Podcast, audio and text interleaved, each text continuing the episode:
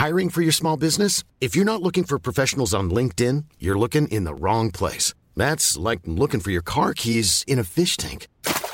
LinkedIn helps you hire professionals you can't find anywhere else, even those who aren't actively searching for a new job but might be open to the perfect role. In a given month, over 70% of LinkedIn users don't even visit other leading job sites. So start looking in the right place. With LinkedIn, you can hire professionals like a professional. Post your free job on linkedin.com slash people today.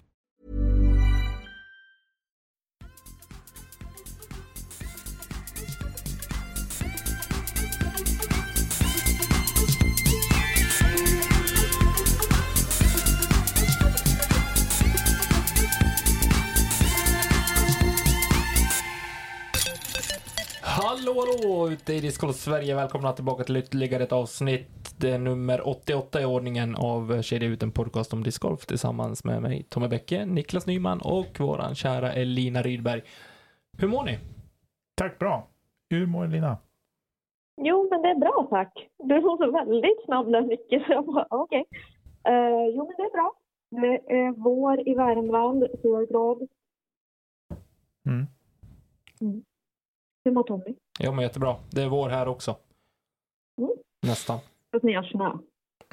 Ja, Jo. fast inte på vägarna. Det är snustört.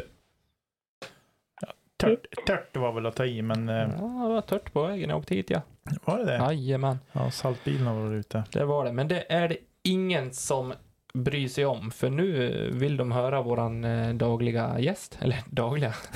våran gäst. Eh, som vi annonserade i tidigare avsnitt så har, kommer vi att trappa upp lite grann med eh, avsnitt. Så att vi kan eh, kombinera våra gästavsnitt tillsammans med våra vanliga hittepå-avsnitt.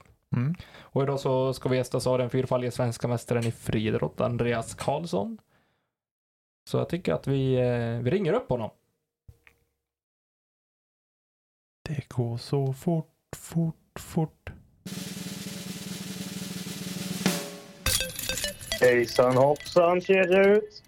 Hallå, hallå! Vi anropar västkusten och Andreas Karlsson. Hur är läget? Det är bara bra. Jag har precis eh, suttit och scrollat igenom lite judisk här. Det är Men fantastiskt. det har inte kommit någon ny bana än idag. Så jäkla het. Kanske imorgon. Det är fantastiskt. Du, eh, jag tänker Ja. att vi studsar in i det här avsnittet eh, på en gång och precis som du var inne på ska vi prata lite, lite discgolfbanor och det har kommit en Kul! sju jäkla massa lyssnarfrågor. Roligt. Ja, så det ska vi ägna större delen av tiden tänkte jag till. Men eh, Nicke får som vanligt börja med en faktaruta. Jajamensan. Eh, fullständigt namn? Eh, Andreas Nils Anders Karlsson. Ålder? Eh, jag är 25 vårar och ska fylla 26 i april. Bosättning? Eh, lägenhet i Borås. Familj? Eh, det är mamma och det är pappa och så syster och sen är det flickvän och sambon Sofie. Och sen har jag även en katt som heter Linus som är faktiskt döpt efter Linus Karlsson. Läckert. ja, verkligen. Eh, bästa discgolfminne? Ja, jag har ju varit med om en del så att det, var, det är svårt att... Eh, men eh, favoriterna får ändå vara när jag, när jag vann mitt SM-brons i längdkastning från Helsingborg för några år sedan. Eh, men också eh, Eh, ett, också ett bra minne är från när jag vann en tävling i Slottsskogen. Det var faktiskt för ganska många mediterade spelare. Eh, för jag kastar ju visserligen mycket men tävlar inte så mycket. Eh, Så då vann jag över eh, till exempel Linus Karlsson, Josef Berg, Arvid Sollenby och med flera. Eh, Och jag tror största anledningen till varför jag vann den dagen var för att jag liksom parkade varje kast. Jag slapp att putta. För min putt, eh, mitt närspel är inte det bästa. Så jag hade tur att jag liksom lyckades komma undan med att inte putta den dagen. Det var nog nyckeln till varför jag vann tror jag. Då kan man ju indirekt säga att du ändå är svensk mästare i discgolf. Ja, exakt. Vi kan väl, vi kan väl eh, säga det. Nej, nej, men det, de är duktiga de andra. Men eh, just den dagen var jag bäst i alla fall. Så det lever jag på. Ja, det är bra. Eh, om du är bara fick ha en disk på en hel säsong, vilken skulle det vara? Eh, ja, vilken skulle jag välja då? Nej, det får nog bli min, eh, min puttputter. Den används ju mycket. Både liksom raka kast 80 till 90 meter, eh, korta inspel och även putter. Så det får bli min puttputter som är en First Run Star Stud faktiskt. Lite Oj. ovanlig kanske. Mm. Eh, nu till den hetaste frågan i den här eh, faktarutan. Vem är din favoritspelare? Eh, då får jag nog säga faktiskt Linus Karlsson. Eh, även om... Men eh, ja, Kevin Jones är också en favoritspelare faktiskt som jag tittar mycket på. Gillar hans eh, kaststil. Eh, så Kevin Jones och Linus Karlsson då. Mm. Eh, favoritbana? Ja, den väntar vi med va? Jag, jag har på känn att den kommer. Okej, ja vi hoppar över den då. Eh, och jag tror även att nästa fråga kommer också lite senare. Ja. Om jag har sett där. Så vi hoppar över den också. De får vi ta sen. Favoritbana och favorithål, de får vi ta senare. Eh, Ja, det låter bra. vad, eh, vad skulle discgolf kunna klara sig utan enligt dig? Ja, just nu så skulle de väl klara sig utan kyrkogårdar enligt min mening. Och många andras också kanske. Eh, så det får bli mitt svar på den frågan. Ja, det är bra. Det är bra. Eh, då ska vi se vars vi var. Jo, ditt drömlag. Två damer och två herrar. Ja, där får jag ju fortfarande ta mina två favoriter på herrsidan då, Kevin Jones och Linus Karlsson. Sen på damsidan skulle jag nog säga Kristin Tatar och eh, Sveriges framtid Matilda Ringbom faktiskt. Mm. Eh, om du för en kväll fick äta middag och splitta några buteljer med valfri person, levande eller död, vem skulle det vara? Ja, det finns många personer man eh, skulle vilja dela det momentet med. Eh, men om man tänker i discgolfkretsar så skulle jag nog välja Lasse Jansson kanske. För han har ju faktiskt ett eh, jobb som jag beundrar och skulle vilja ha i framtiden. Att anlägga banor. Mm. Eh, eller så hade jag kanske varit väldigt nöjd med att ha en stor gård där man kan bygga en riktigt fin 10-poängare till bana från grunden på min egna mark. Eh, så att ja, Lasse Jansson har varit spännande att träffa. Mm. Eh, jag- vill hoppa tillbaka här till drömlaget och just på damspelarna. Jag tänker, Matilda Ringbom är den första gången hon nämns. Men Kristin Tatar, hon är ganska återkommande Ja, utan, att, med. utan att ha fört någon Ja, sorts ja. statistik. Eh, Ja, det faktiskt. Det är ganska många som har med henne som i sitt drömlag. Ja, Eh, det är konstigt. Kastar, kastar gött liksom. ja. Elina, har du några kommentarer på faktarutan?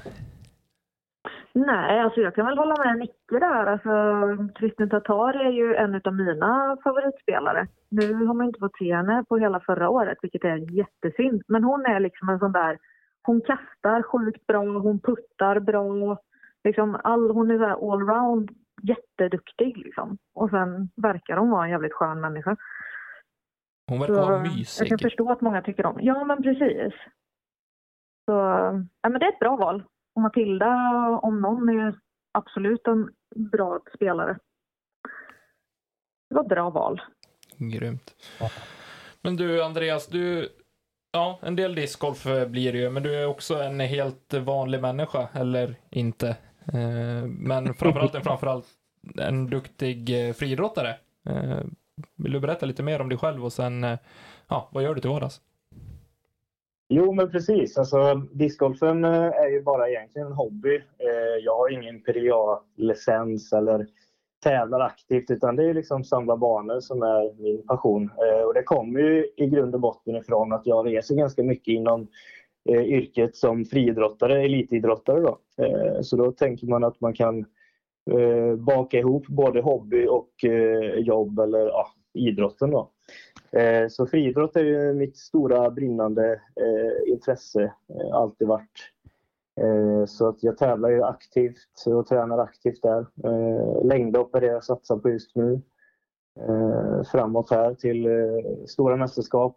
Eh, hoppas på OS i sommar om det vill sig väl. Eh, men är en liten bit ifrån. Men det är eh, ja, sådana mål jag har. Liksom. Det är det som jag tränar mot.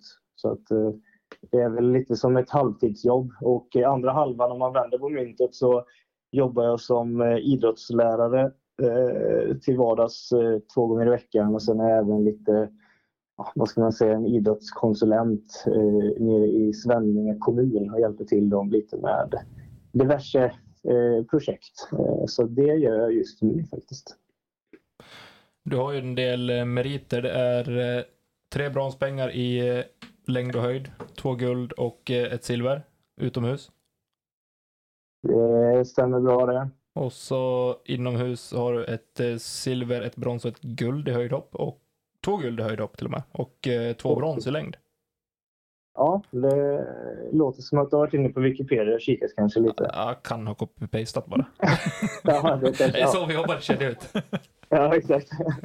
ja, det stämmer bra. Jag har eh, fyra stycken SM-guld i, i höjdhopp ja. och eh, diverse medaljer därefter. Eh, så att, eh, ja, roligt. Grymt kul. Bara när vi är inne på den eh, svängen, om du skulle applicera liksom men både träningsbiten och även eh, tävlingsbiten på fast i discgolf.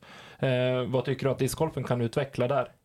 Om du ska applicera det du har med ifrån friidrotten? Ja, bra fråga som jag har eh, faktiskt eh, eh, tänkt på många gånger i och med att man eh, gör båda två aktivt. Och eh, discgolfen är väl för att de ska bli ännu bättre och ännu vassare så tror jag att struktur behövs mer och även alltså strukturerad träning i klubb istället för att det alltid blir bara det här man går ner till banan och kör sitt varv liksom med några polare eller ja, de man brukar köra med. Så jag tror att eh, fler klubbar bör plocka upp mer strukturerad ungdomsträning framför allt, men även eh, träningsgrupper så man får någon slags gemenskap som man kan dela med sig av och även eh, ta ifrån andra eh, lärdomar. Eh, så att, ja, men det tror jag eh, discgolfen har lite att lära utav där. Tror att det finns plats för en sån typ av en personlig coach eller personlig tränare inom discgolfen framöver som faktiskt kan periodisera en träning och eh, ja, men lägga upp en, en struktur och en plan utefter eh, en individuell spelare eh, och dennes kvaliteter som man besitter idag? Tror du ja, att det kommer finnas det. nytta i det? Det tror jag också. Det kommer nog finnas, det finns många duktiga spelare där ute som, som har de kvaliteterna. Så det är bara att våga ta Eh, Eh, ta sig utanför mönstret lite grann och våga sätta igång. Vi har ju börjat lite grann, eh, jag själv lite som ledare i discgolf eh, på onsdagar i Svenljunga kommun. Och tror, ja nu är det ganska nystartat och inte jättemånga ungdomar där men vi är ändå en grupp som lirar ihop och jag försöker hjälpa till så gott jag kan med teknik och, och diverse övningar. Så att det tror jag de, de större klubbarna kan dra nytta av och verkligen ta stora steg framåt friidrottare i grunden är ju otroligt genomtränade och eh, ja, men, duktiga på mycket. Eh, tror du att eh, man som, kan ha som fördel eh, från friidrotten att eh, komma in i discgolfen och ja, men, någonstans ha en, en fysisk fördel eh, gentemot andra? Eh, ja, jo men absolut. Vi kör ju, vi tränar väldigt mycket eh, ja, fysiskt behöver man ju, fysiken behöver man självklart när man kastar men kanske inte på den nivån som man, som man tränar aktivt eh, friidrott så. Men eh, det är ju koordinationen har jag haft mycket nytta av. Eh, även smidighet. Eh, eh och, men jag, jag har också varit nybörjare från början och kastat mina kast liksom så att eh, tekniken och känslan för diskarna och kasten eh, kommer ju tyvärr inte automatiskt utan det är något som alla måste lära sig från, från första början. Så att eh, det gäller att nöta. nöta. Men eh, ja, men koordinationen och liksom känslan för, eh, för det och även smidigheten så det kan jag nog ta med mig från friidrotten in i, in i discgolfen. Snyggt. Det är ett eh, intressant ämne just att eh, någonstans också kunna utveckla eh, discgolfen och då är ju personer som du en eh, ja, enligt mig i alla fall, rätt man att fråga eh, kring sådana saker som faktiskt vet hur det är och eh, träna och tävla på yttersta elitnivå. Ja, men precis. Jag, jag började faktiskt med discgolfen eh, lite grann för en egen mental träning för friidrotten. Eh, man liksom, det blir en helt annan eh, grej när man står där och liksom måste sänka den här putten för att kanske ta ett kast eller man måste sänka putten för att vinna en tävling. Eh, så det är en större utmaning mentalt eh, enligt mig att vara på discgolfbanan än att vara på friidrottsbanan. Liksom. Så att eh, det är bra träning för mig mentalt att vara ute och kasta faktiskt. Eh, Mm.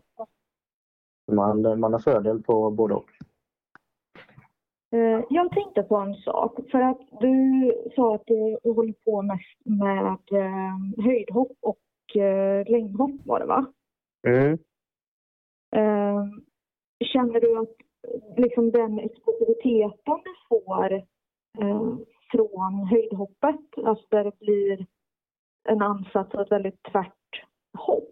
Känner du att det hjälper dig i din run-up till exempel eller i din explosivitet i discgolfmomentet? Eh, ja, jo, men det, det kan jag nog hålla med om, eh, eller säga att det gör. För det är lite samma uppbyggnad på run-upen som en ansats i höjdhopp till exempel. Man liksom börjar lugnt för att hitta en, en stabilitet och hitta rätt läge och sen så trycker man på ett impulssteg i slutet för att maximera hastigheten. Eh, precis som i höjden och sen så stämmer man till då eh, och trycker av och sen så får man liksom den kraften som man skapar ska man försöka få i en, i en så rak linje som möjligt så man får ut det i disken precis samma som i höjdhopp så man får det rakt upp så inte kraften går åt alla håll och kanter för då kommer, inte man, då kommer hoppet dö ut helt enkelt. Så att, ja, men det är faktiskt ganska mycket likheter även om jag kanske inte jobbar så mycket med eh, armen explosivt i höjd, mer benen då eh, kontra discgolfen. Men eh, samma tänk är det i alla fall och hjärnan eh, tänker säkert samma ungefär i, i nervbanor och sånt i den situationen. Så ja, det är nog ganska mycket liknande faktiskt där som, som du säger. Mm. Det är lite intressant för det blir ju liksom två explosiva sporter där du egentligen samlar kraften genom fötterna, alltså upp i kroppen. Precis. Ifall, eh, ifall känslan var lite lika. Ja, men lite lika är det ändå, även om man... Eh, det är mycket mer eh, detalj... Eh, det är mer viktigt med detaljerna i discgolf, eh, skulle jag säga, än vad det är i, i eh, höjdhopp och längdhopp. Där är det lite mer så att man kan kötta på. och Liksom, där är det mer att man ska bara bestämma sig och ha lite jäklar anamma så kommer man ganska långt på det, även om tekniken är väldigt viktig också.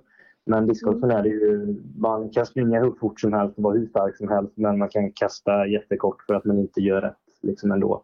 Så att eh, det är mer finlir i, i discgolfen än vad det är i, i, eh, i höjd och längd. Men annars är det mycket likt. Ja, men precis. Eh, Får man fråga hur högt du har hoppat gentemot hur långt du har hoppat? Det kan jag svara på. Eh, min, ja, just det. Nej, ska jag ta det du? Svara i huvudet. Har, har du koll? Du får, du får säga först om du vågar. Du Eh, kanske har...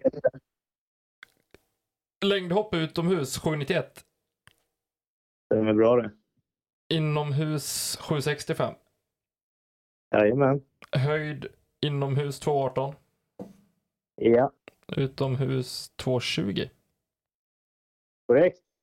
Grymt. Du ser vilken koll jag. Vad är det egentligen som gör att eh, man ökar prestationen utomhus? Eh, bra fråga. Eh, I längd och sådana friidrottsgrenar där man har nytta av medvind eh, är ju mer lättare utomhus för där får man ha en, en vind på 2,0 i ryggen då, Ja, meter per sekund. Så där får man lite extra hjälp av vinden och 2,0 meter per sekund kontra 0,0 det brukar jag göra ungefär mellan 15 till 20 centimeter direkt. Eh, så att eh, i längden då. Mm. Och eh, faktiskt i stavhopp om man tar en sån gren så är det högre rekord oftast inomhus än utomhus för då slipper man eh, vindar som går fram och tillbaks och väder och vind så att där är det mer kontinuerligt inomhus och därav lättare att eh, ja, få till en ansats och, och så. Eh, så att eh, ja, det är lite olika där. Längd och tresteg eh, gynnas utomhus och av vinden och stav tvärtom eh, gynnas inte av vinden då, så de hoppar bättre inomhus. Och det ser man också, tre steg utomhus så har du ju, ja vad blir det, 14, 12 centimeter skillnad mellan eh, medvind och, ja, jag antar att det är vindstilla om man inte skriver ut någonting annat. 1454 och sen 1466 medvind. Ja, precis. Jag har, eh, du tänkte mina rekord i tresteget? Ja, exakt. Ja, jag har hoppat lite längre nu faktiskt. De har inte uppdaterat. Men tresteg är inte min eh, gren som jag kör jättemycket. Det är ju längdhopp, höjdhopp och så stavhopp mestadels och så tresteg lite grann. Så jag har hoppat 15.02 i, i tresteg och fem meter jämnt i stav. Så bakar man ihop alla de resultaten så ligger jag faktiskt väldigt bra till på en sån här allround-lista eh, för Sverige, svenska hoppare genom tiderna. Så där ligger jag på en tredje plats genom tiderna i Sverige på, på hopporama. Wow, Eh, det är lite roligt. snyggt. Ja. Du Andreas, vi ska ju prata mest discgolf. Är det Mm, tänkt? vi lämnar friidrotten bakom oss nu. Det Ja, ja, ja, det man jag, behöver veta. nej, jag tycker att det är jätteroligt och intressant att höra sådana saker. För jag skulle säga, ställa precis samma fråga som Tommy ställde om den här skillnaden mellan inomhus och utomhus. För det är faktiskt något jag funderar kring själv mycket, att det finns, att det Mm. kan skilja så pass. Eh, men det här med, med eh, din aktivitet på judisk och sådär. Mm. Eh, Vars började det någonstans med att du skulle liksom starta och, och göra din judisk lista?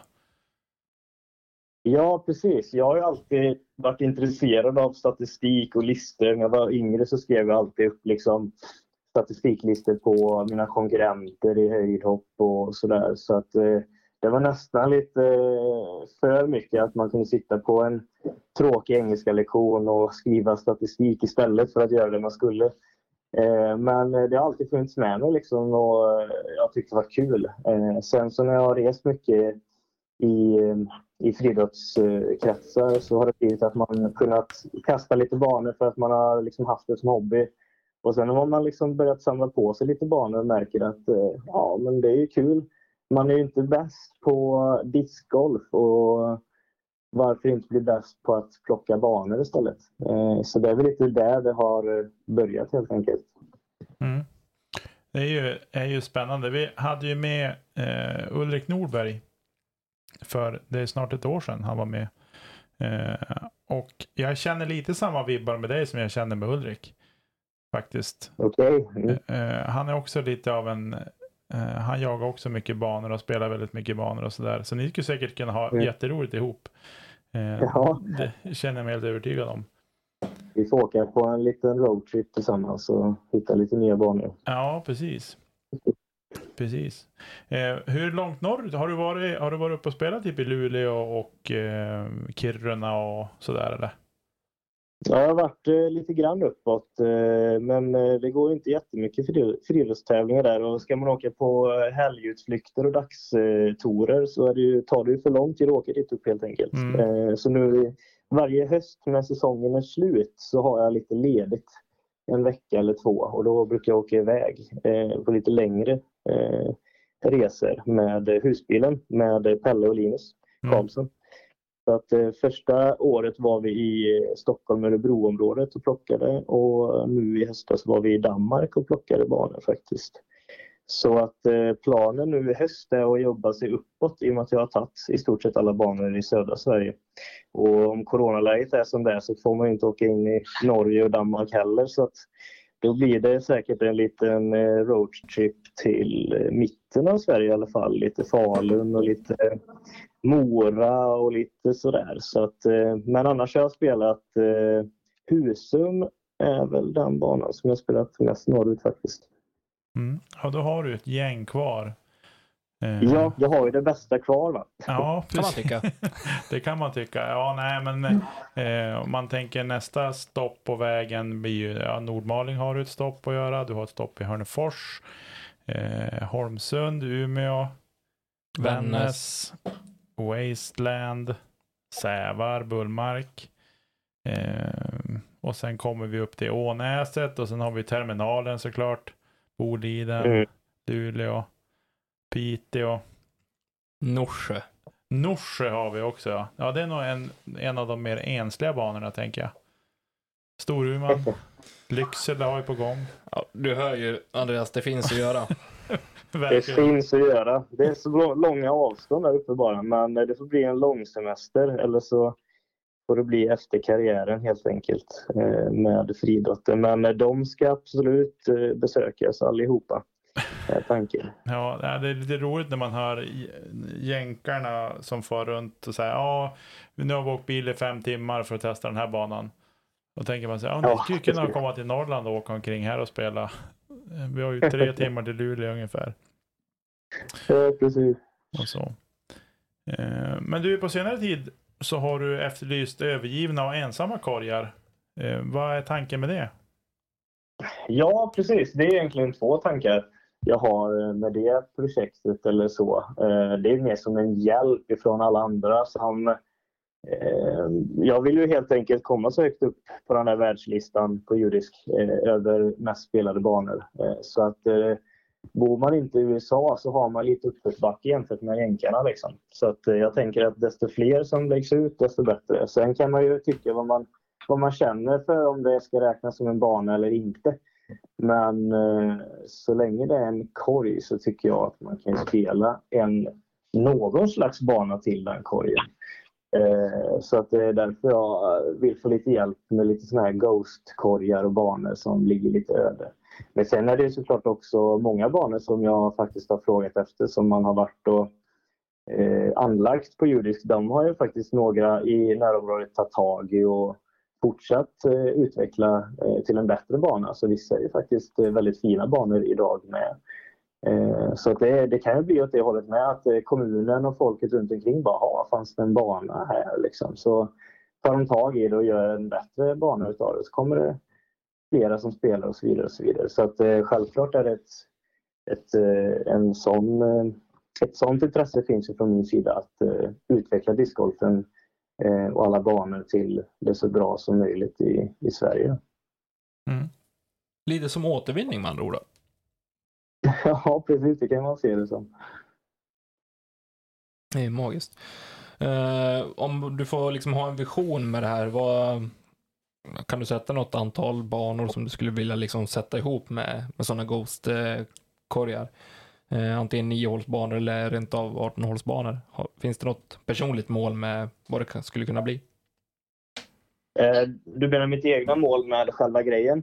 Jag tänkte bara ifall, eh, ja men ditt initiativ med att, att hitta olika korgar som eh, bara står utställda och som sen eventuellt kanske kan bli en hel bana. Eh, Antingen med hjälp av den eh, kommunen eller eh, eldsjälar i närområdet som faktiskt tar tag i det.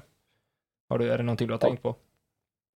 Ja, men precis. Det är ju lite det, därför jag åker runt och delvis då plockar för att komma ikapp eh, de som ligger först på listan och ta sig förbi där. Och sen så utvecklas så att det blir så bra banor som möjligt eh, i landet. Snyggt. Vem är det som har flest avbetade banor i Sverige? Har du koll på det? Det kanske kommer? I Sverige är det svårt i och med att på judisk så har man ju inte namn utan man har användarnamn. Ja, just det. Så då heter ju alla olika, man har ingen aning om var den kommer ifrån. Jag skulle gissa på att det inte är någon som har spelat mer än mig. Eh, Men eh, det kan ju vara någon som inte använder judisk också som har spelat i många, många år som har fler. Men på judisk i alla fall så tror jag inte att det är någon som har fler än mig. Eh, Jag ligger just nu för närvarande 27 plats där då. Men den som leder har 1659 banor registrerade och jag har 410. Så jag ligger lite bakom den men eh, jag jobbar på. Men det är i världen då, eller? Ja, precis. Ja. Avery Jenkins är väl där uppe någonstans. Ja, han är på en fjärde plats på 1135 banor just nu. Så att, eh, ja, han eh, vill jag komma ikapp. Mm. Nästa Men milstolpe. alltså, så länge man inte kan mäta hur många banor man har spelat så är man ju inte med i tävlingen heller. Egentligen. Nej, det tycker inte jag heller. Jaha, ska vi ta lite lyssnarfrågor då, Elina? Ja, men det tycker jag. Eh, vi har fått in väldigt, väldigt, väldigt mycket frågor den här veckan också. Så det är bara som sagt De här 24 timmarna skulle jag säga. Ja, det är kul att det är så stort intresse på, på just banor eh, faktiskt. Men det är säkert många som delar det intresset med mig så jag förstår att det är många som frågar. ja. det, det blir ju mycket frågor om banor. Eh, det ska vi inte undgå. Men jag tänker att vi hoppar rätt in i det. Kan inte jag bara få ställa Nej, en fråga först? Ja. Hur är skicket på rudan? Koll på det Andreas? Skicket på ruran, ja du. Det var länge sedan jag var där, men jag har spelat den i alla fall. Ja, jag kunde förutsätta det nästan. Ja, Ja, nej, kör Lina. faktiskt jag, en, kan, eh, jag kan inte vara överallt hela tiden, även om jag vill. det kom faktiskt en uppdatering på rudan idag. Ska vi snacka discgolf? Där de Kunde man gett sig fan på. Eh, men vi drar igång med den första och det är från eh, Melker Molin. Eh, och han skriver, den självklara frågan, vilka är Sveriges fem bästa banor? Och om ni vill ha en hot take, Sveriges tre mest överskattade banor. Och här lägger Roger till, varför är de det? Jag tycker vi ska ha en hot take, men vi kan ju ta de fem bästa först då. Ja, fem, fem bästa banor alltså. Eh, jag har ju faktiskt noterat lite här i och med att jag har spelat så många banor så jag var tvungen att skriva ner lite hjälp, hjälp till mig själv. Men eh, om vi tänker 18-hålsbanor eller fler hål så eh, ska vi börja nerifrån eller? Det är lite mer spännande kanske. Verkligen. Mm. Ja, då tycker jag på en femte plats har jag skrivit eh, Sankt Hans i Lund. Mm. Och sedan på en fjärde plats så har jag Tallbacken i Bredensbruk. Eh, och sen på en tredje plats så är det lite mer internationellt om man får ta med det. Det jag skrivit upp i alla fall. Mijas discgolfpark i Spanien, nere i Malaga. Mijas. Eh, En väldigt trevlig bana på en tredje plats. Och sen har vi de två giganterna, men vilken är först? Det är det som är frågan. Eh, jag tycker själv att Järva förtjänar en andra plats och Ale Discgolf Center en första plats. Det är Mm. en stark femma. Det är en stark femma. Märker Eh, får jag ta har att då- det blev en, eh, en utländsk bana också helt enkelt. Ja, men eh, Mijas är väldigt trevlig. Fin miljö och tuff när det blåser mycket. Det räcker att det blåser lite så blåser det mycket. Liksom. Så den, även om det är en lätt layout så är det väldigt svår bana om man har otur med vindarna faktiskt. Eh, så att det är väl de topp fem där. Sen om man skulle ta det lite, ja de tre mest överskattade banorna frågade han efter också. Mm. Den är ju lite jobbig att erkänna, men eh, det ska ju erkännas. Eh, Jag själv tycker, det är säkert inte alla som delar samma som mig här. Nu låter jag som en Svensson Svensson här, men Men det är lite det som gör till en hot take också. försöker komma undan svaret här. Nej, men jag tycker själv, sen kan ju det vara helt och hållet att man fick dåliga vibbar eller kanske hade en dålig dag eller man kastade dåligt. Men eh, jag har försökt tänka ut eh, vilka tre som jag tycker är mest överskattade. Eh, och då har jag Jenny i Västervik. Sen har jag Rydskogen i Linköping och Vilsta i Eskilstuna. Men då ska tilläggas att de har gjort eh, lite nytt på Vilsta tror jag. Så jag var där sist, så jag ska inte säga för mycket där. Men eh, Jenny och Rydskogen då. Jag skulle ju faktiskt kunna hålla med dig om Vilsta i Eskilstuna. Eh, jag har inte spelat där efter att de har gjort om. Eh, Mm. det är en jättetrevlig bana, men jag tycker att den får mer ros än vad den förtjänar. Sen är det en jättetrevlig bana. Jag blev förvånad när jag såg betyget på Urisk. Eh, Jag har själv inte satt så högt betyg. Men de var lite i ombyggnationen där och skulle göra lite nya hål. Men den är säkert bättre nu hoppas jag. Jag får åka dit och checka läget när jag får tid. Får uppdatera betyget lite. Ja, precis. Vad är det som gör Rydskogen och eh, vad sa du för Jenny? Jenny.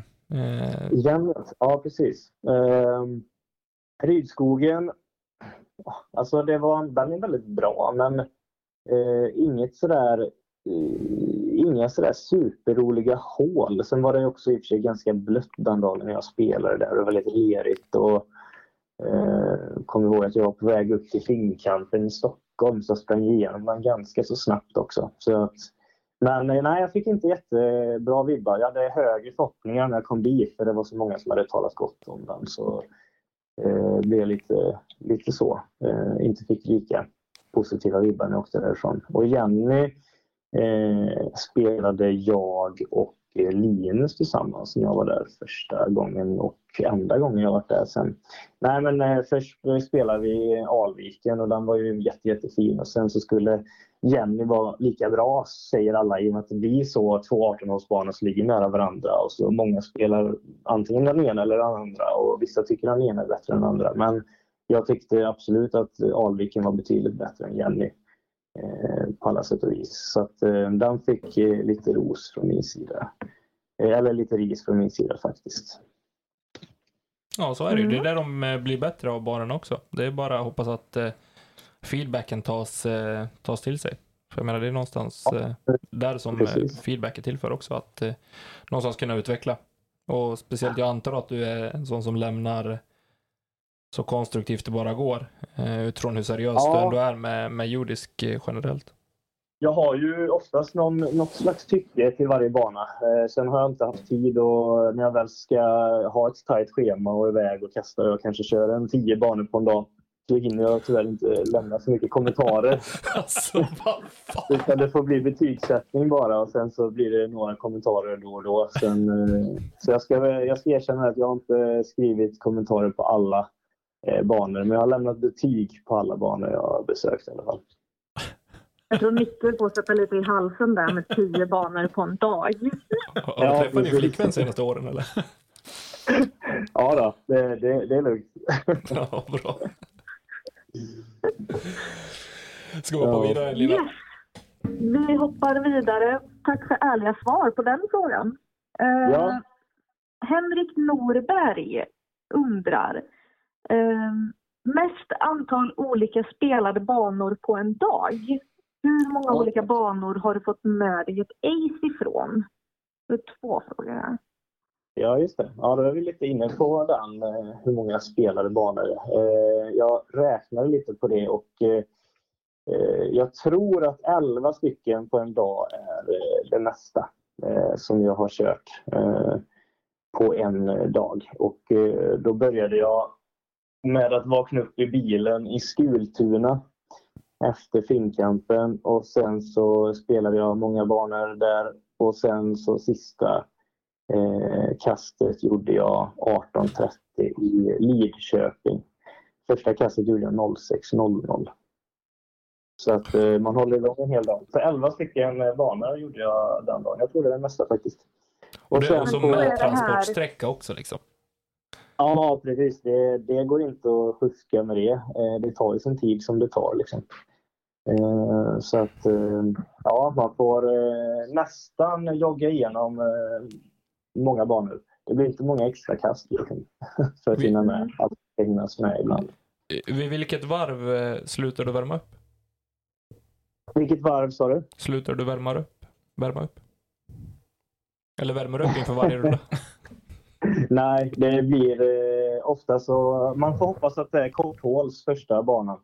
Eh, så att man slipper ta i så mycket. Eh, men eh, nej, vissa saker får man tyvärr prioritera bort som eh, uppvärmning och, eh, och annat. Ibland så är det till och med tajt schema så att man får äta lunchen, eh, typ macka, på vägen i bilen så att man inte stanna. Utan det får bli lunch på vägen. Men längden på de här banorna, det är liksom allt ifrån en så här, vad heter det, eh, objektbana till en 18-håls liksom? Ja, det Eller? kan vara allt möjligt. Det kan vara blandat liksom. Jag räknar ut en rutt som jag vill åka så, så eh, det är inte 11 stycken 18-hålsbanor. Det, det, då hade jag varit imponerad själv. Eh.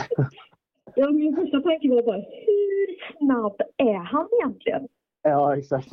Ens på niohålsbana är ju liksom relativt. Men det beror på liksom om man räknar 3, 6, 9, 12, 18 hål. Ja. Men gör man bara två kast, eh, två kast per hål så tar det inte så lång tid. Nej, precis.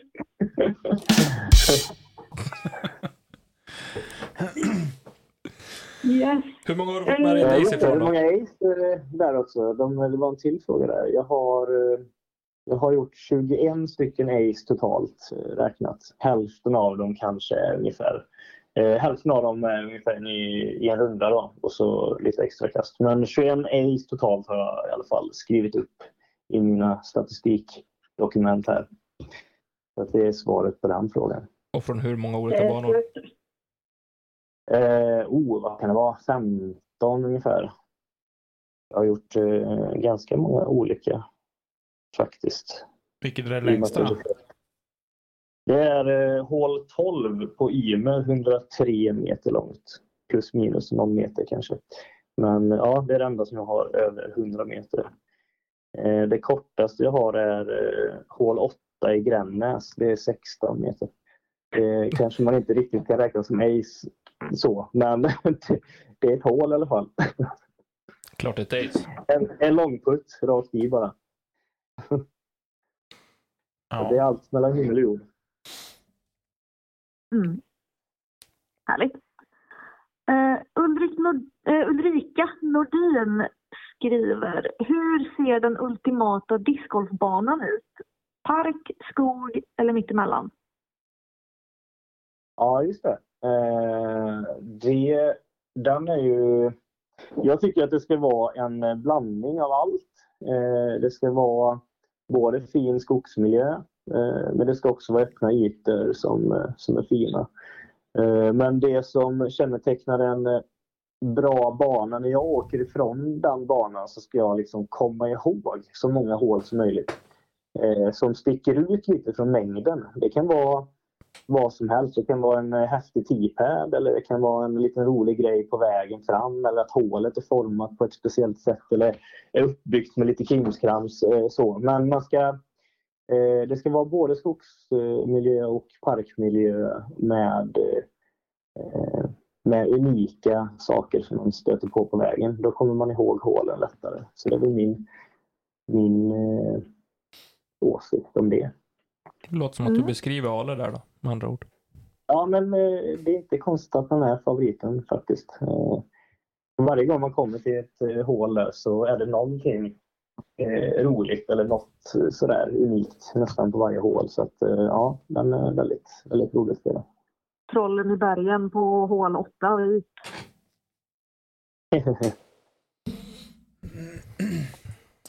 Ja. Eh, du, Thomas Westerlind.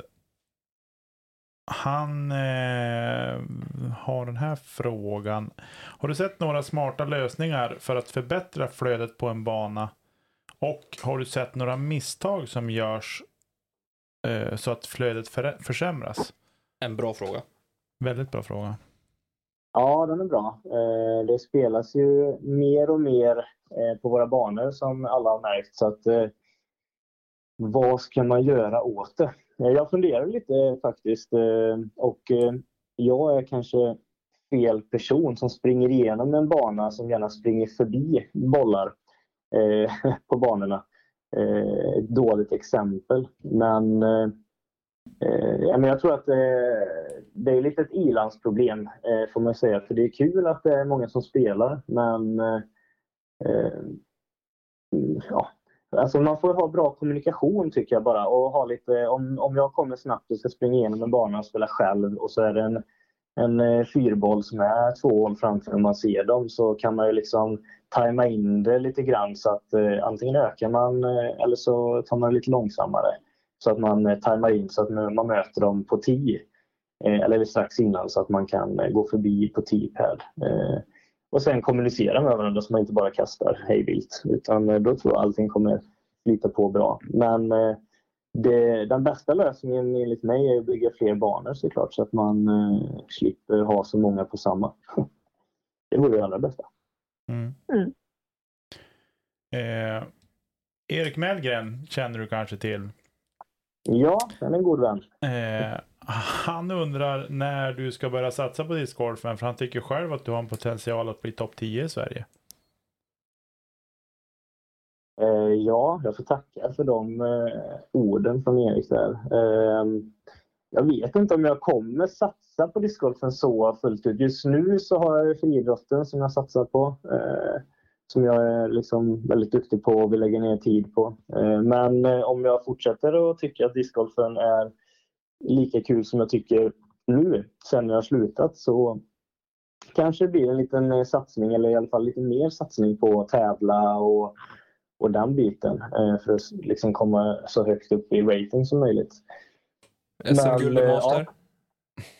SM-guld i Master, det är inte helt omöjligt. Nej, men discgolf kan man ju faktiskt kasta på en ganska hög nivå upp i åldrarna. Liksom. Det är annat med friidrotten. Även om man kan hålla på med veteranfriidrott så är det ju inte att man gör samma resultat som när man var 25, liksom, eh, när man är 45. Så att eh, discgolfen är ju lite roligare på det sättet för man är ju lite närmare sitt bästa jag, eh, sin bästa ålder. När man, även när man är liksom 40-45 så kan man ju kasta en väldigt bra rating och eh, bra resultat på vissa banor som man kastar på nu. Liksom. Så att, eh, det är nog inte helt omöjligt att man kanske får se mig göra en liten satsning på discgolfen efter jag har slutat med, med längdhoppet. Mm. Eh, han hade även en fråga om vad som är Sveriges mest överskattade banor och den har vi redan avhandlat. Eh, Mm. Däremot så har, undrar han vilken är Sveriges mest udda 18-hålsbana? Eh, som ändå har kvalitet. Han tänker själv på Borlänge. Ja, just det. Borlänge är Eh, ganska udda i sig kan jag tycka. Som stad. Ja, det är väl Borlänge och Borås alltid som fightar som så här Sveriges tråkigaste stad kanske. Eh, man Jag tror. Borås får stryk där om jag ska vara ärlig. ja, det är inte helt omöjligt. Det är därför jag vill åka ifrån Borås ofta. För att man blir inte hemma kanske. Ni har ju Pinocchio i alla fall. Ja, det, det är alltid något. Nej, men Borås är, Borås är charmigt. Jag gillar Borås, det måste jag erkänna. Man är uppvuxen här och har inte, har inte flyttat härifrån på mina 25 år. Så att, eh, jag gillar Borås. Eh, nej, men mest udda bana? Det är en bra fråga faktiskt. Ehm, eh, ja, Borlänge är ju en sån bana. Ehm, vad har man spelat? Man har ju spelat så många olika banor.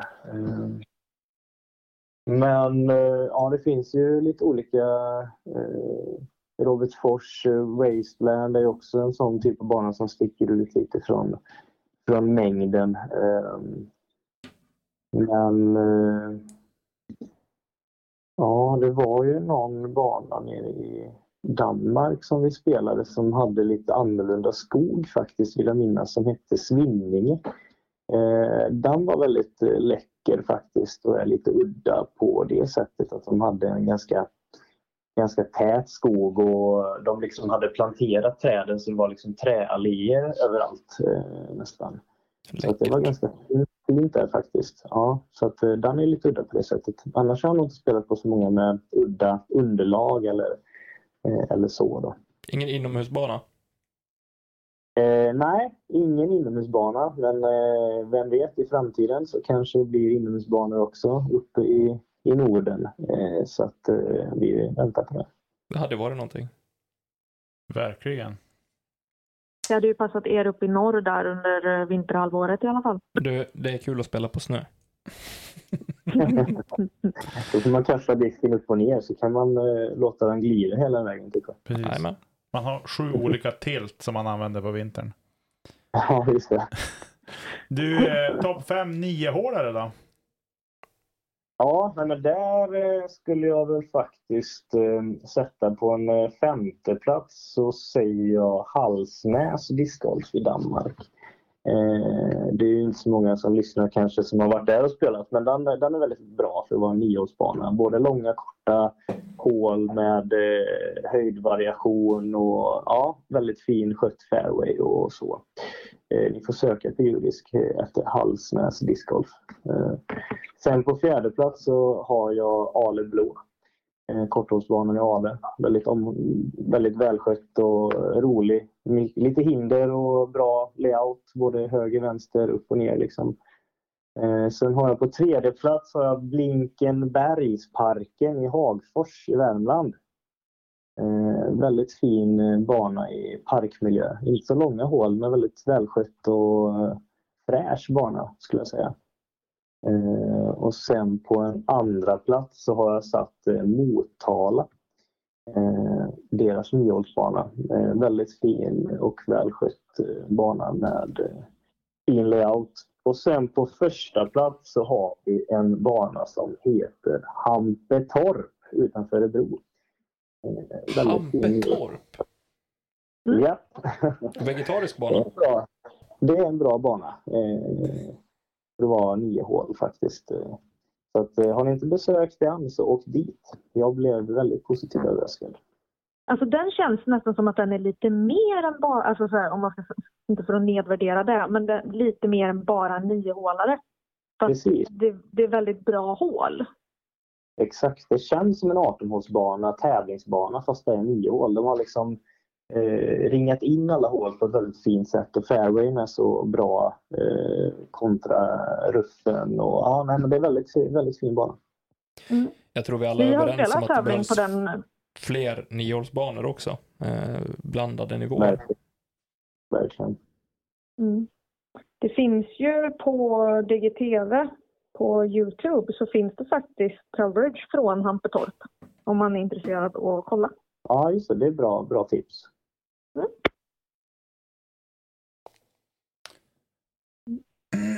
Jaha. Eh, känner vi oss nöjda med svaren? Jo, det gör vi. Jag svarar för oss alla tre utan att ni har en chans att säga något. Eh, vilken bana har du blivit mest positivt vilken bana har du blivit mest positivt överraskad utav? Mest underskattade bana då? Med andra ord. Ja, Ja, precis. Eh, nej, men, eh, den som jag blev mest positivt överraskad av är nog eh, Bro, discgolfbanan i Stockholm. Jag hade inga jättehöga förhoppningar för när jag spelade den för ett år sedan lite drygt så var den precis ny och jag tror att den nästan är privatägd. Att det är en som sköter om den och inte kommunen. Och jag ska inte säga för mycket nu men när jag var där i alla fall såg jag att det var någon som skötte om den.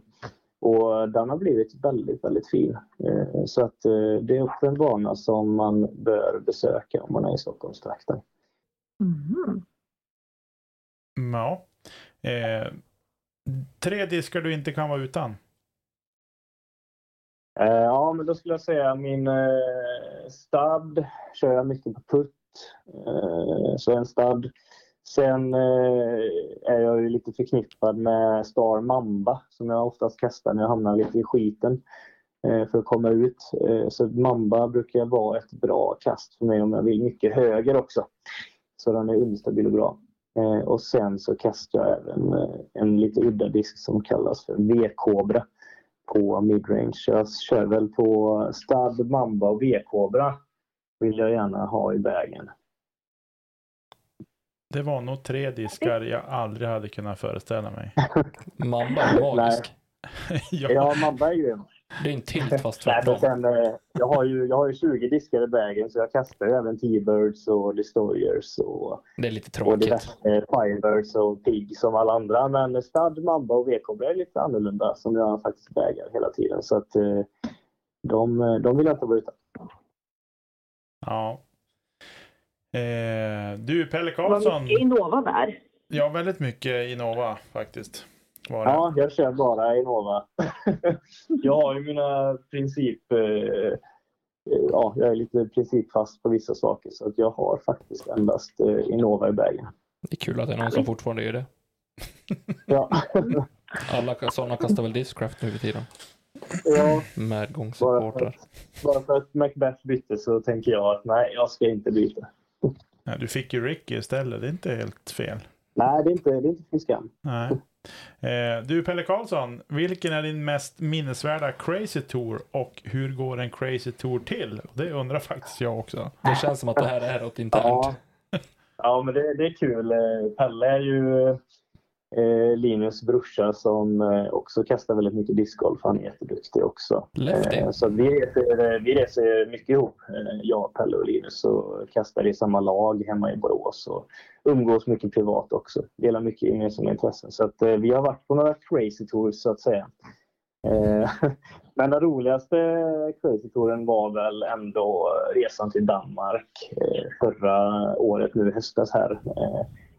Så att eh, ja, den skulle jag nog ranka högst. Eh, det var väldigt roligt och många, många banor som eh, man inte hade en aning om hur det skulle vara innan i och med att det var ett nytt land och man inte hade koll på banorna och sådär. Så det var många positiva överraskningar och, och största negativa överraskningen var väl att de inte riktigt vet hur man gör en bra T-pad i Danmark. De, har, de har i stort sett inga T-pads i hela Danmark känns det som. Eh, bara på de mest bästa banorna kanske. Men det, de bara lägger ut liksom en sten eller en eh, två stycken stenar som markerar här ska man kasta och så är det lite jord eller så är det gräs. Så att där kan man förbättras eh, faktiskt. För många banor kan ju det vara så, men då är allt annat ganska dåligt också. Men här var det väldigt utpekande att just T-pads var dåliga medan allt annat var väldigt bra på banan. Det är billigt. Eh, det är lite konstigt. Ja. Erik Och hur går Kjellman. hur går en crazy tour till då? Ja, det vill vi veta. Det, ja, det vill alla veta. Jo, men det går till så här att man först är det planering i, in i minsta detalj eh, i mitt Excel-ark här hemma. Så att jag planerar så att eh, man ska vara på en viss bana en viss tid för att man ska hinna med alla innan solen går ner. Det är Eh, klart och du har ett har man- Excel-ark. Ja, exakt. Alltså, jag orkar inte. Vem tror du du Kanske- pratar med? Ja, det, är, det är viktigt att planera i i minsta detalj. Liksom, för att eh, kastar man lite extra kast eller man åker iväg och käkar lite längre tid än vad som är tanken, då blir det mörkt i slutet och då blir det inget roligt att kasta sista banan kanske i totalmörker. Liksom. Så att, eh, det är så det ligger till. Man har inte tid att kasta den banan dagen efter för då, får man, då hamnar man efter alla andra dagar sen också. Så att eh, jag har fått eh, jaga på eh, Pelle och Linus ibland på, på resorna när de är lite efter. Jag kan tänka mig att om Linus är lite halvgrin efter en dålig putt på någon runda står han kvar och puttar en kvart på... Ja, på värmningskorgarna. det, det, det har man sett.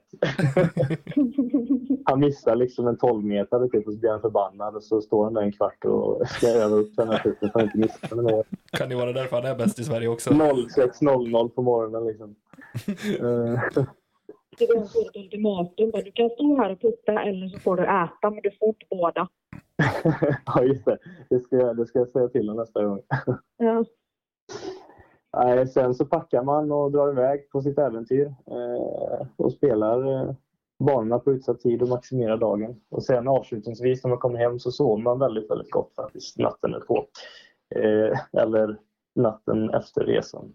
Så det är väl så man... Eh, det är så en crazy tour går till. Tre svettiga grabbar i en husbil, det är fantastiskt. Ja, precis. Det, det är inte fel.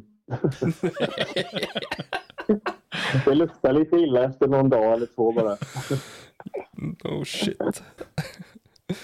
Ja, ska vi gå vidare till nästa? Ja, det låter bra. Erik Kjellman frågar, SM-guld i längdhopp eller SM-guld i discgolf? Du har ju redan i längdhopp. Eh, nej, faktiskt inte. du jag har ju höjdhopp, men inte längdhopp.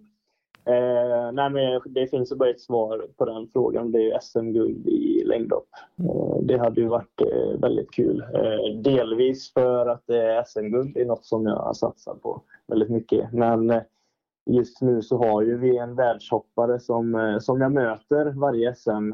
Så lyckas jag vinna mot han så kommer det automatiskt vara ett väldigt bra resultat. Så att då får man ju båda, båda på köpet. Liksom. Så att SM-guld i längdhopp väger eh, tyngre än SM-guld i discgolf just nu. Det är ju någonting med att få betalt för det man lägger ner mödan för. Ja men precis, det är lite det som är charmen med, med det hela. Eh, Så det kan ju ta, ibland tar det ganska lång tid mellan eh, topparna liksom, men eh, man går ju framåt i trappsteg så att eh, man ska hitta en jämn nivå och så går man framåt lite grann och hittar en jämn nivå. Eh, Så att när de topparna kommer så är man ju väldigt glad och, och nöjd med sina prestationer. Grymt. Mm. Anders Liffner, hur fungerar ditt personliga betygssystem och vad har du i beaktande när du sätter ett betyg? Vi var inne lite grann på det, men eh, kan väl Mm. förfina svaret lite grann. Ja, men precis. Eh, Jag tror han s- syftar på bara liksom allmänt mitt betygssystem på vad, varför jag sätter kanske 3,0 eller Mm. 4,5 på månad på judisk. Annars har jag ju eh, på min egna Instagram-sida judiskbanor så lägger jag ut en gång i månaden ett, eh, en rankinglista från, eh, från judisk alla topp 50 18-årsbanor och eh, 9-årsbanor i Sverige. Så är det lite roligt att följa där eh, vilka banor som går upp och vilka banor som går ner på den här rankinglistan. Så där kan man följa det om man tycker det är roligt. Men eh, mina personliga betygssystem så som jag rankar en bana, det är egentligen inte eh, egentligen inte man kan ju tycka så här, ja men en niohålsbana som har korta hål i en parkmiljö kan omöjligt få lika bra betyg som till exempel Järva. Men enligt mig så kan den det i och med att syftet med den här parkbanan inte är samma syfte som Järva har. Mm. Eh, så att eh, då får man tänka om lite och tänka på två helt olika sätt. Men eh, allt ska ju liksom eh, funka, allt ska vara bra. Eh, korgarna ska vara bra, teapadsen ska vara bra, stora, tillräckligt bra fäste. Underhåll på fairway, viktigt såklart. Skyltning, next skyltar hål, eh, karta, ja, barnskyltning och så vidare. Och så vidare. Eh, ruffen är viktig, att man håller ganska ren i alla fall. Man ska ju såklart straffas men eh, man behöver ju inte få loss disk varje gång man träffar ruffen. Liksom.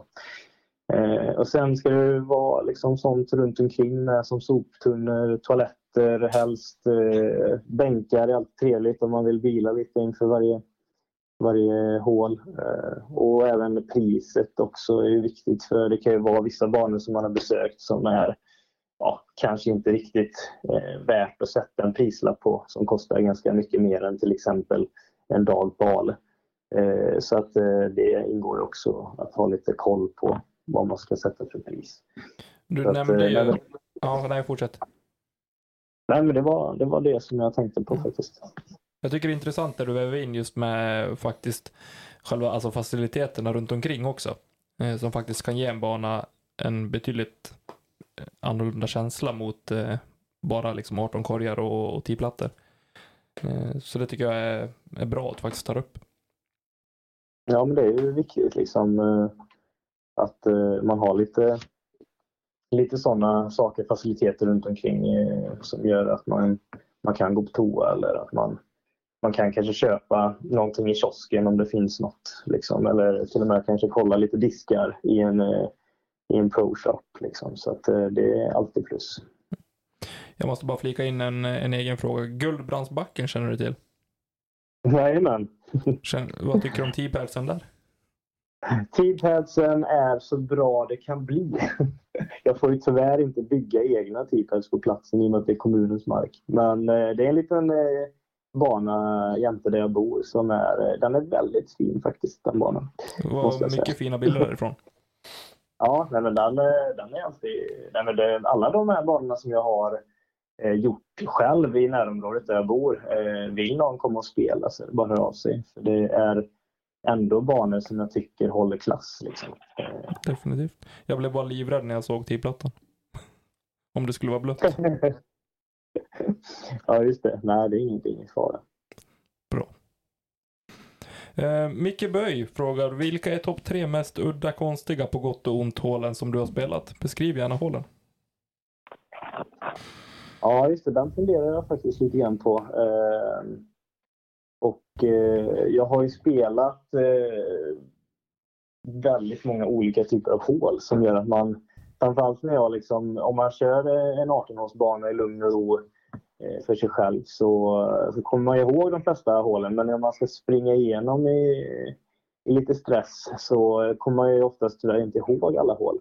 Men eh, jag tog ut några stycken faktiskt. Eh, och det där hålet som vi pratade om innan som gjorde Ace på, som var 16 meter långt, det är väl lite udda måste jag erkänna i och med att det är väldigt, väldigt kort. Eh, de har ju liksom chans att kunna backa bak eh, T-pairen 20-30 meter utan problem. Men eh, den ligger där den ligger. Så det ser lite konstigt ut när man kommer dit. Eh, ser ut som en putting green liksom. Har de målat cirklar på det hålet? Det Ja, de har det platser, ja precis en cirkel. Jag hade behövt en, en 10 meters cirkel runt korg kanske för att markera green. Om man inte hittade det green. eller?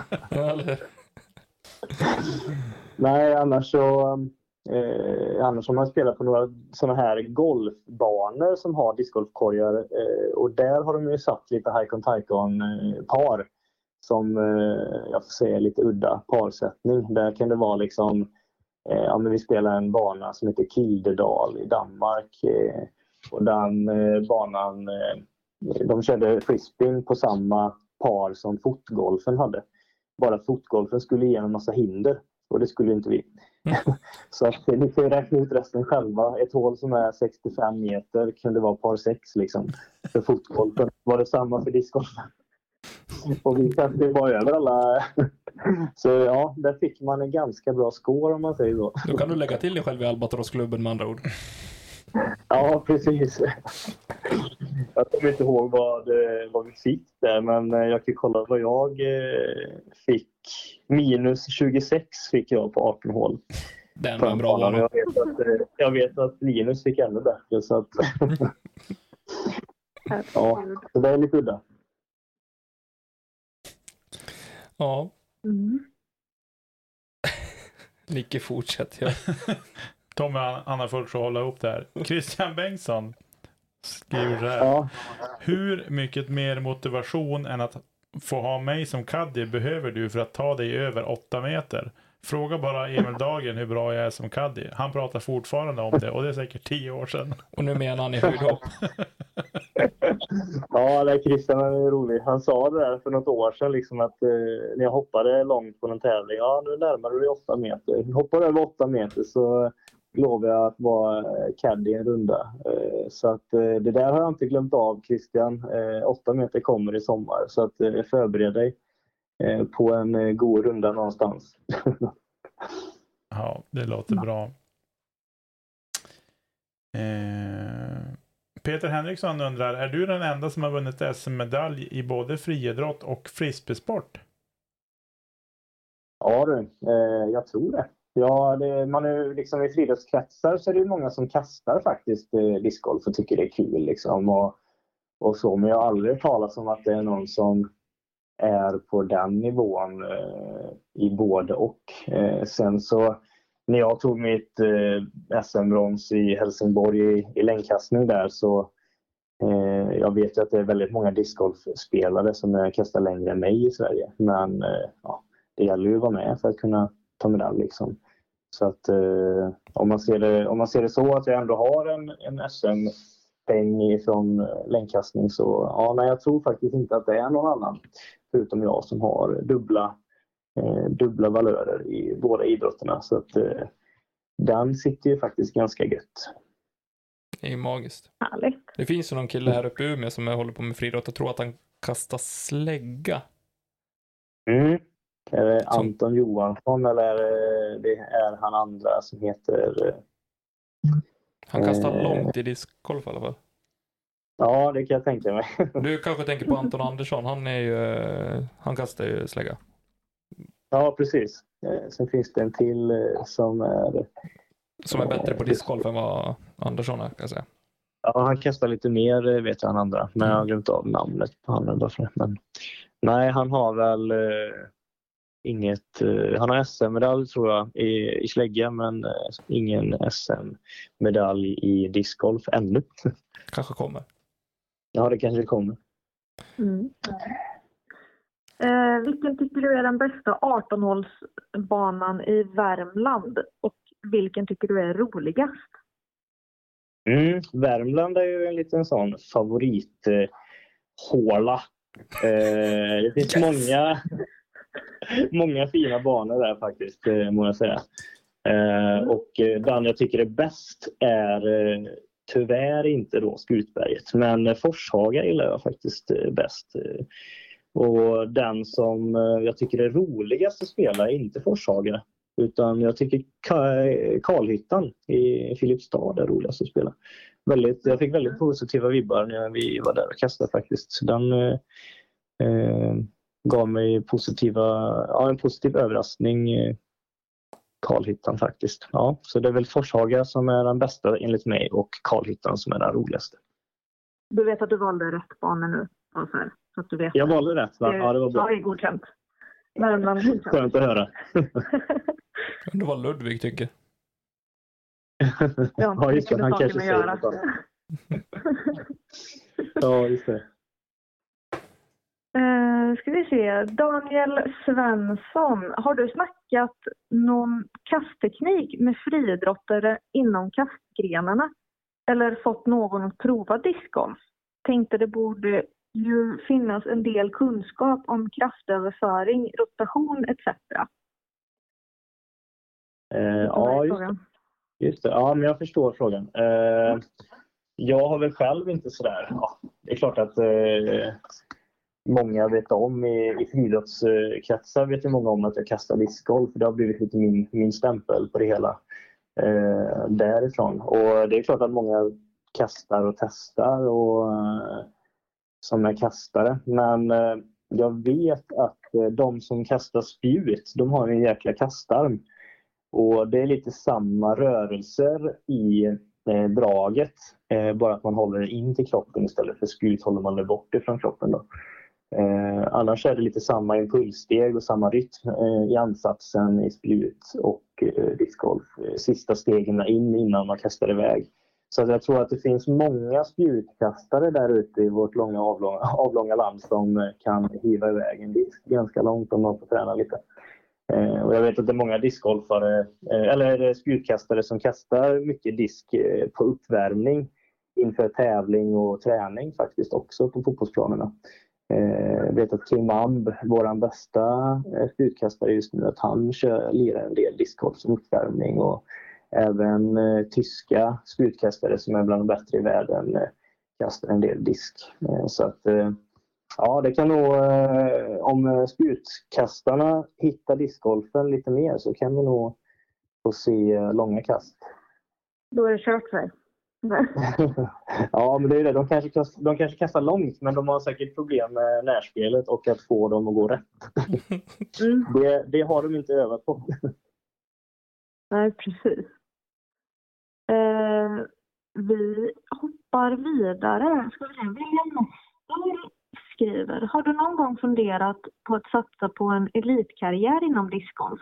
Eller har längdhopp alltid varit nummer ett? Mvh stavhoppare och discgolfare? Mm. Eh, ja, just det. Eh, nej, men eh, discgolfen har alltid varit ett komplement. Eh, en hobby som har väl eh, blivit ganska stor på sistone. Men eh, Alltså det är många gånger man funderar när det går väldigt dåligt i någon tävling eller någon säsong som har gått väldigt dåligt så, så kanske man kan få en eh, snabb tanke att ah, varför satsar jag inte på discgolfen istället? Det är ju, där kanske man hade kunnat bli bra också men eh, jag är ju så pass bra i friidrott så att jag vet att det krävs väldigt, väldigt, väldigt mycket tid för mig som jag behöver lägga ner på discgolfen för att komma upp i samma nivå. Så att jag har väl aldrig fått tanken eh, seriöst liksom att eh, jag ska ta upp discgolfen istället. Så att eh, nej, det får nog bli nej för den frågan faktiskt. Jag, jag håller mig till discgolfen oavsett. Du kan skjuta in en bonusfråga. Ja, just det. Topp 10 i Sverige. ja, nej, men eh, det är kanske inte helt omöjligt. Men eh, ja, det, jag vet att det krävs några timmar också eh, som behövs läggas ner. Men det, får, det får bli i om några år istället helt enkelt så får vi se vad det, vad det blir av det hela. Eh, har du spelat någon tävling? Eh, jag har lirat lite grann men ingen, eh, ingen NT och ingen så utan mest lokala tävlingar i Borås och lite i Göteborg. Så att nej, det är inte mycket jag har att komma med där och de erfarenheterna. Mm. Våran kära lyssnare Ankan skriver varför neongröna diskar? Ja, det är också en liten sån där principsak likadan som Innova. Eh, faktiskt. Eh, nej men eh, det är en bra färg till att börja med. Eh, den syns bra. Eh, jag, har, jag brukar kalla det faktiskt neongula. Men eh, ja, det är lite mellan. Det är den här, det är den här limegröngula färgen som jag har. Eh, så vet säkert många vilken jag menar. Eh, och eh, den syns ju bra på sommaren, den syns bra på vintern. Eh, och sen varför det blev just neongula diskar, det var för att jag hade en favoritdisk som var en Star Excalibur som var rosa en gång i tiden. Men den kastade jag olyckligtvis ner i Viskan i Borås. För att en bana som heter Lundby går längs med Viskan. Så att jag drog en forehand där och så tog den ett trä och klickade i i viskan. Så det var ju hej då med den. Och då skulle jag köpa en ny eh, disk. Likadan. Och då råkade det bara bli den färgen faktiskt. Och sen efter det så har det blivit att jag har fyllt på. Eh, så att eh, ja, nu kör jag bara, bara den färgen. Ja, det är väl som många andra som snör in sig på en och samma färg. Ja, men precis. Vi är ett litet släkte eh, som vill vara lite... det finns några stycken här och där har jag sett. Eh, ingen, eh, ingen sådär eh, som jag vet i Sverige som är på högre nivå som kastar bara neongula. Eh, det kanske ni har bättre koll på. Nej, det är väl Henke Johansen kör väl gult, tror jag. Om jag inte är helt Mm. ute och cyklar. Ja, han kör gult. Och sen eh, Johannes Larsson är väl kanske inte på högsta nivå i Sverige, men eh, väl lokalt. Högsta nivå i hjärtat i alla fall. Ja, väl på lokal nivå ganska högt. Han kör också, Mm. han kör neongult. Ja, just det. Mm. Vi får dra ihop ett eh, lag till lag-SM eh, någon gång i framtiden och bara gå runt där med våra neongula bägar. det hade sett ganska roligt ut. Ja, precis. Vi har avhandlat Stefan Sandströms fråga. Han frågar också bland efter de topp fem bästa banorna i Sverige. Eh, Men det känns som att vi har, eh, ja, har tagit av det. Så vi Mm. behöver inte gå in på det igen. Men eh, Simon Marxén berör det här med neongruna diskar och tycker att det är lite muppigt. Men, men. Eh, kan du känna att du, har för, att du har mycket gratis i discgolfen när du är så pass vältränad från eh, längdhoppet? Och det, ja, det berör ju lite grann det vi har varit inne på tidigare. Ja, men precis. Eh, det är ju det här med koordinationen och lätt att lära sig. Smidigheten, man får ut rörelserna, kan maximera längden i, i kastarmen. Liksom. Men annars, jag har också varit nybörjare och fått kasta mina kast uppe på hemmabanan Ymer. Liksom. Eh, jag tror att första gången jag gick där uppe så hade jag 110 kast varav paret är 62. Så att eh, man har arbetat sig neråt eh, eftersom. Så att eh, även om man har mycket gratis från friidrotten så är man ju nybörjare och måste hitta känslan i, i att kasta diska rätt. Liksom. Så att, eh, mycket gratis kanske jag har men eh, det gäller att kunna använda det också.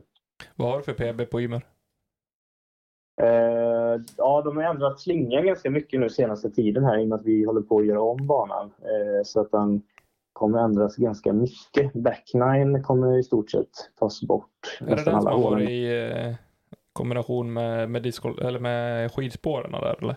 Precis, exakt. Så att eh, det blev bäst, tror jag, eh, till slut att eh, göra ni, nio stycken nya hål helt, helt enkelt så att man kan spela ostört hela året. Eh, så att eh, det blir nog bra när det väl blir klart men eh, alla vet ju att det tar lite tid innan en bana sätter sig och nio nya hål är ganska, ganska mycket att jobba sig in på. Men,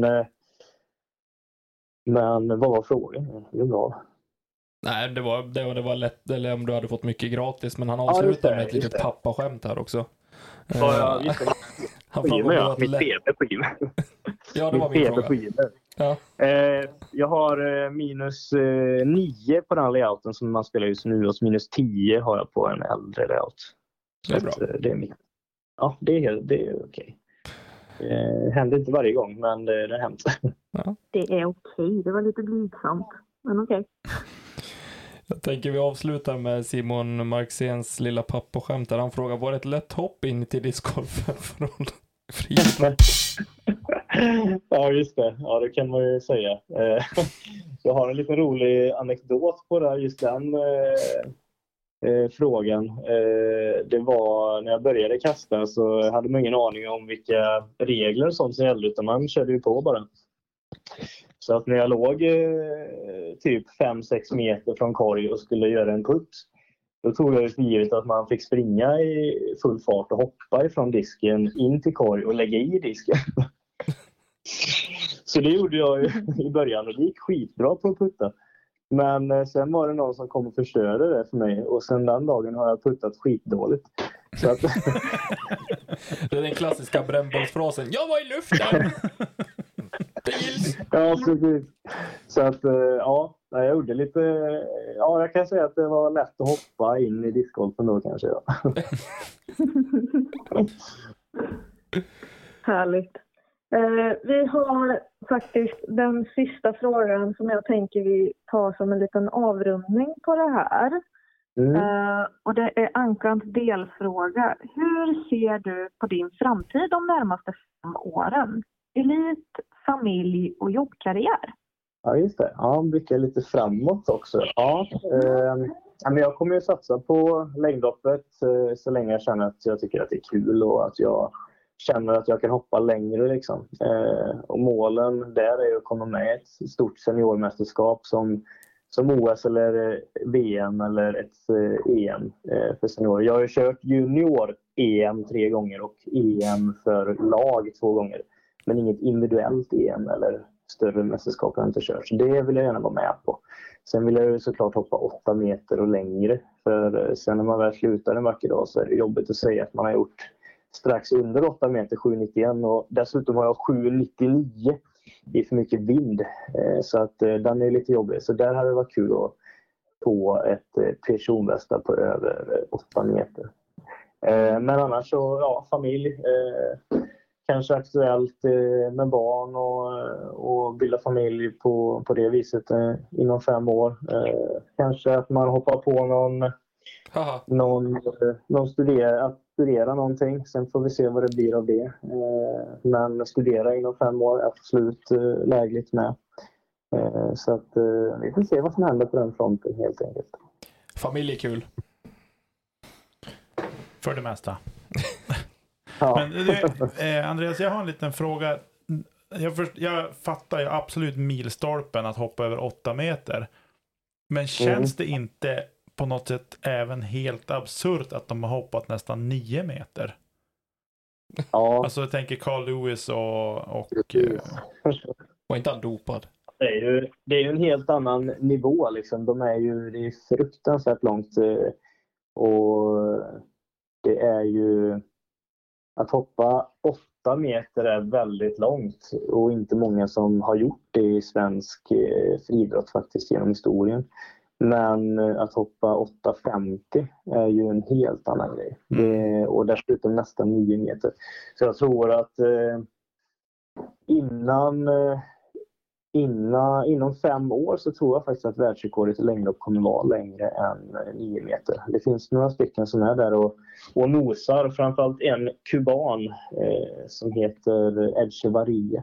Han hoppade 8,92 eh, i en tävling hemma på Kuba och 8,83 i godkänd vind som jag såg live faktiskt på Stockholms stadion för några år sedan. Eh, så att eh, jag tror att när han får till det och får hålla sig skadefri så är han den personen som kommer göra nio meter inom det, fem år. Det är helt galet. Mm. Det är brutalt. Ja, det är långt. Ja. Ja men du, det var alla frågor Andreas. Kul! Kul! Roligt att få dela med sig eh, av det som jag besitter inom discgolfen. Roligt att eh, få köta lite. Jag tänker så här. Eh, först och främst stort tack till att eh, du ville vara med. Det blev ett eh, fantastiskt roligt avsnitt eh, tycker jag. Jag njöt eh, varje sekund i en och en halv timme. Eh, men jag, jag, tänker att du nämnde Instagram lite grann. Finns det fler sociala medier man kan hitta dig och följa din resa både genom discgolfen och friidrotten? Ja men precis. Ja men precis. Jag har ju för discgolfen är ju det judiskbanor som är väl mest eh, aktuellt om man vill kolla på allt det som jag åstadkommit med min eh, samling. Eh, om man tycker det är roligt. Och sen om man vill följa mig privat på min eh, friidrottssida så är det Hoppar Karlsson med C. Eh, så det är de två namnen som man ska ha koll på. Grymt. Mm. Har du någonting du vill tillägga eller ska vi säga tack till alla lyssnare och eh, ja, tacka igen för att du ville vara med. Ja, men jag har ju jag har gjort en sån här Dream 18 som ni gjorde, men eh, vi får ta den en annan gång. Tycker vi kan du det? Spara på den. Ja, eller jag är jäkligt sugen på att dela med, med mig av min 18 bästa hål jag har spelat. Ja, då vill vi ha den. Kör bara. Ska jag dra, ska jag dra den lite snabbt bara, så Nej. utan inbördes Dream 18, hål nummer ett. Hål nummer ett är eh, Järva, hål 14. Mm. Hål nummer två, Ymer, hål 5. Mm. Hål nummer tre, Alevit, 10. Den har dykt hål upp. Nummer... Ja, den uh, har jag hört innan att den är en liten poppis. Men eh, nej, den är, den är fin faktiskt. Sen har vi hål nummer fyra, Alevit 12. Eh, Och då behöver man inte åka så långt så som ni gjorde. Man ju, då sparar man in lite tid också på sin resa om man ska köra många banor den dagen.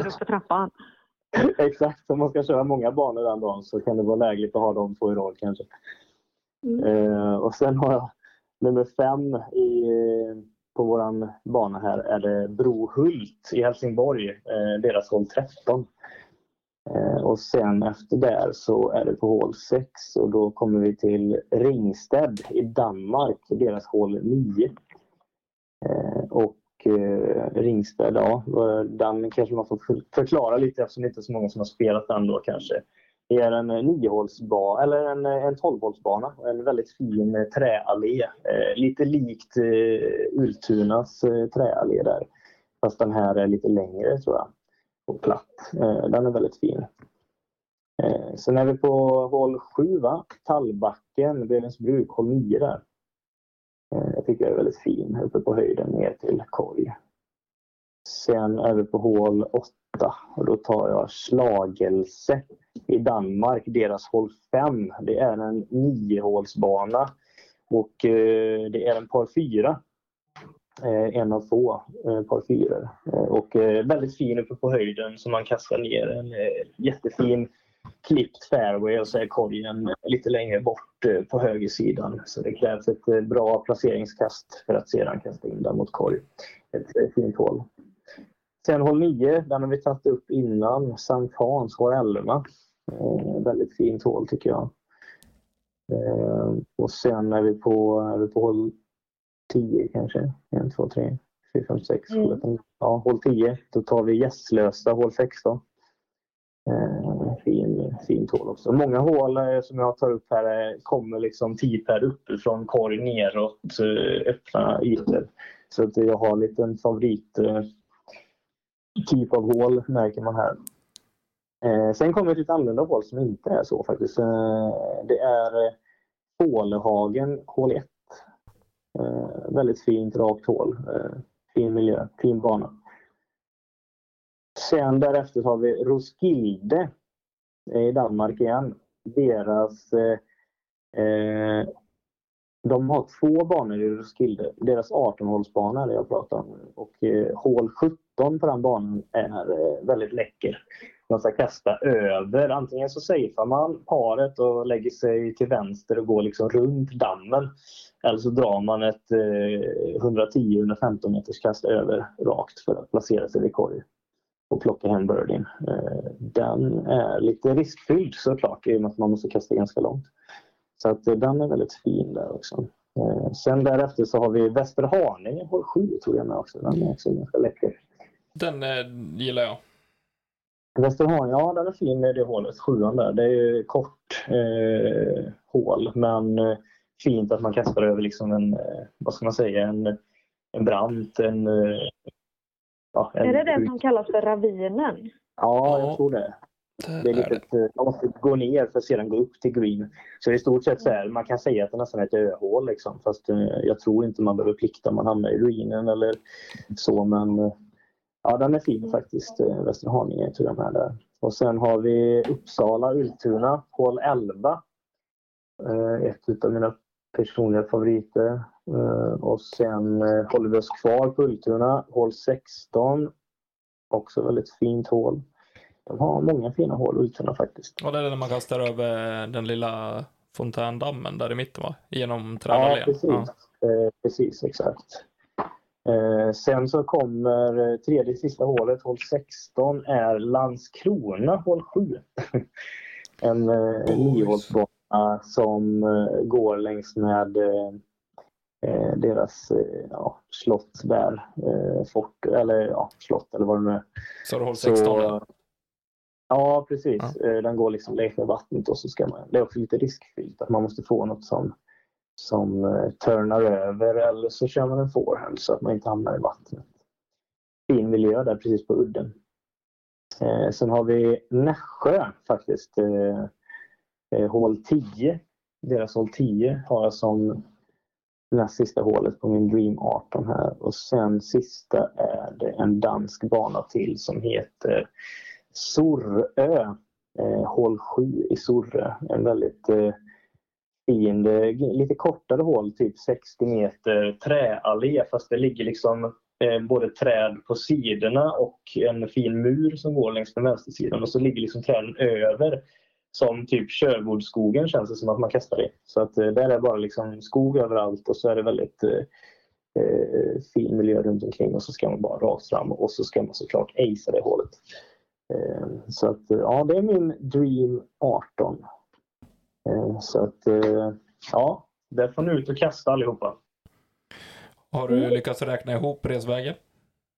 Nej, jag har inte gjort det. Jag har inte vågat det. Men eh, det ska vi nog kunna ordna. Det blir svårt att fixa kanske, men eh, som tur är så har jag ju spelat alla de här redan. Så att eh, jag spelar ju sällan banor en gång till, för det har man inte tid med. ja. det är klart. Det är några hål som jag personligen känner igen och uh, tycker att uh, de är väl befogade. Åtminstone efter mina ja, eller mitt tappra försök till att spela olika banor. Eh, det är ju noll ja. jämfört med dig. Men eh, nej, ja, intressant. Dream 18. Mm, sen får vi se, för jag har ju lite planer på att resa lite nu detta året också och då kommer jag besöka lite fler banor så att eh, den Dream 18 kommer säkert att bytas ut några stycken. Jag ska ju upp till till Mellansverige och dra ett varv eh, där Falun, Borlänge, Mora och så vidare. och Så vidare. Så att, eh, ja, det blir nog kanske någon, någon bana som, något hål som byts ut. Ja, Falun är fin. Mm.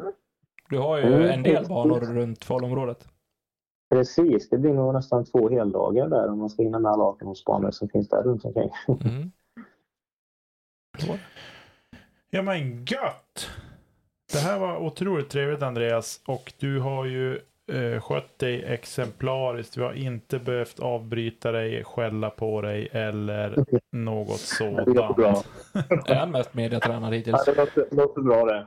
Man är ändå lite van vid eh, intervjuer och eh, poddar. Så att eh, man har varit med i gamet lite. Ja, Nej, men det är gött att höra. Jag tackar så hemskt mycket för inbjudan och och allt. Det är bara eh, svinkul att eh, prata discgolf. Det gör jag mer än gärna. Så mm. mycket som möjligt. Då är du en återkommande gäst. Efter att du har gjort Mellansverigeresan? Precis. Ja, men det låter jättebra. Så, jag kommer att göra en liten tripp här i Småland och ta några banor som jag inte har avverkat än. Men det, är ingen, det kommer att bara bli en dagstur nu till våren här och sen tar man lite banor när man väl åker förbi. Sen så blir det en större tour då till eh, hösten här med kanske Linus och Pelle. Så att eh, då får vi väl höras av igen, hoppas jag. Ja, definitivt. Jag hoppas absolut att vi springer på varandra eh, på någon bana och ja, halvvägs det kanske.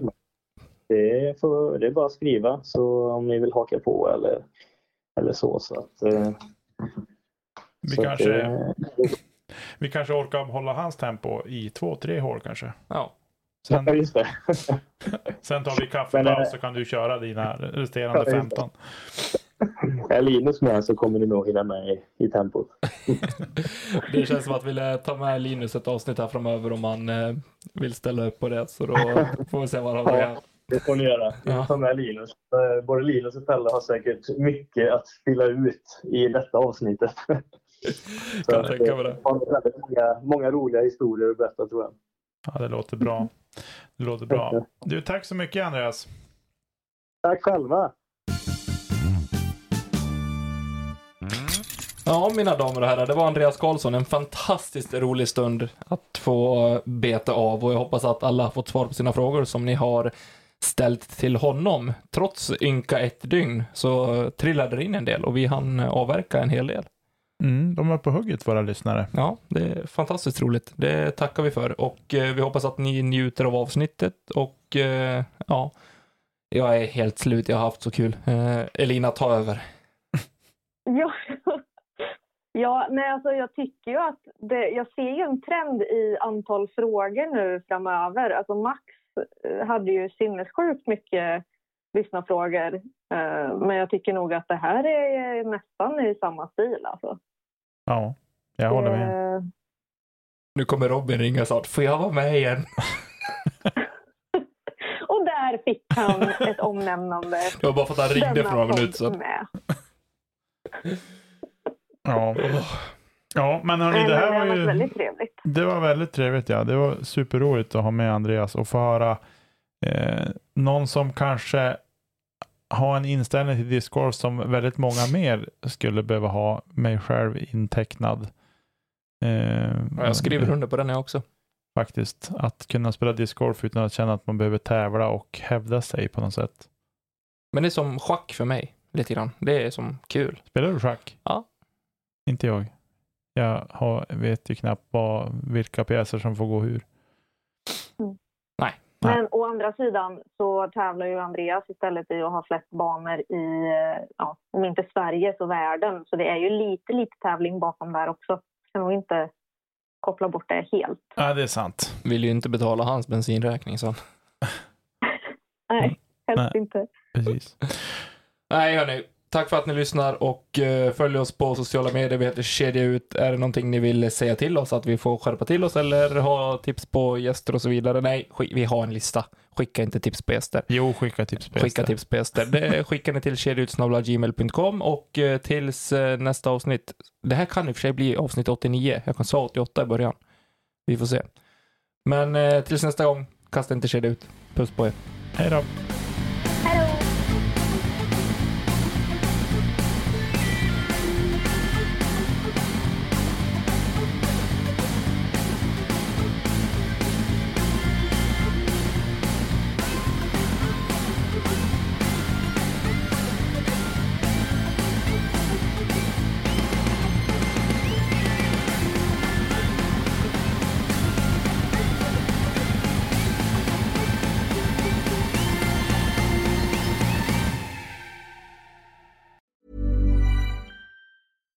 Deserves the best, and there's no better place to shop for Mother's Day than Whole Foods Market. They're your destination for unbeatable savings, from premium gifts to show-stopping flowers and irresistible desserts. Start by saving 33% with Prime on all body care and candles. Then get a 15-stem bunch of tulips for just $9.99 each with Prime. Round out Mom's menu with festive rosé, irresistible berry chantilly cake, and more special treats. Come celebrate Mother's Day at Whole Foods Market.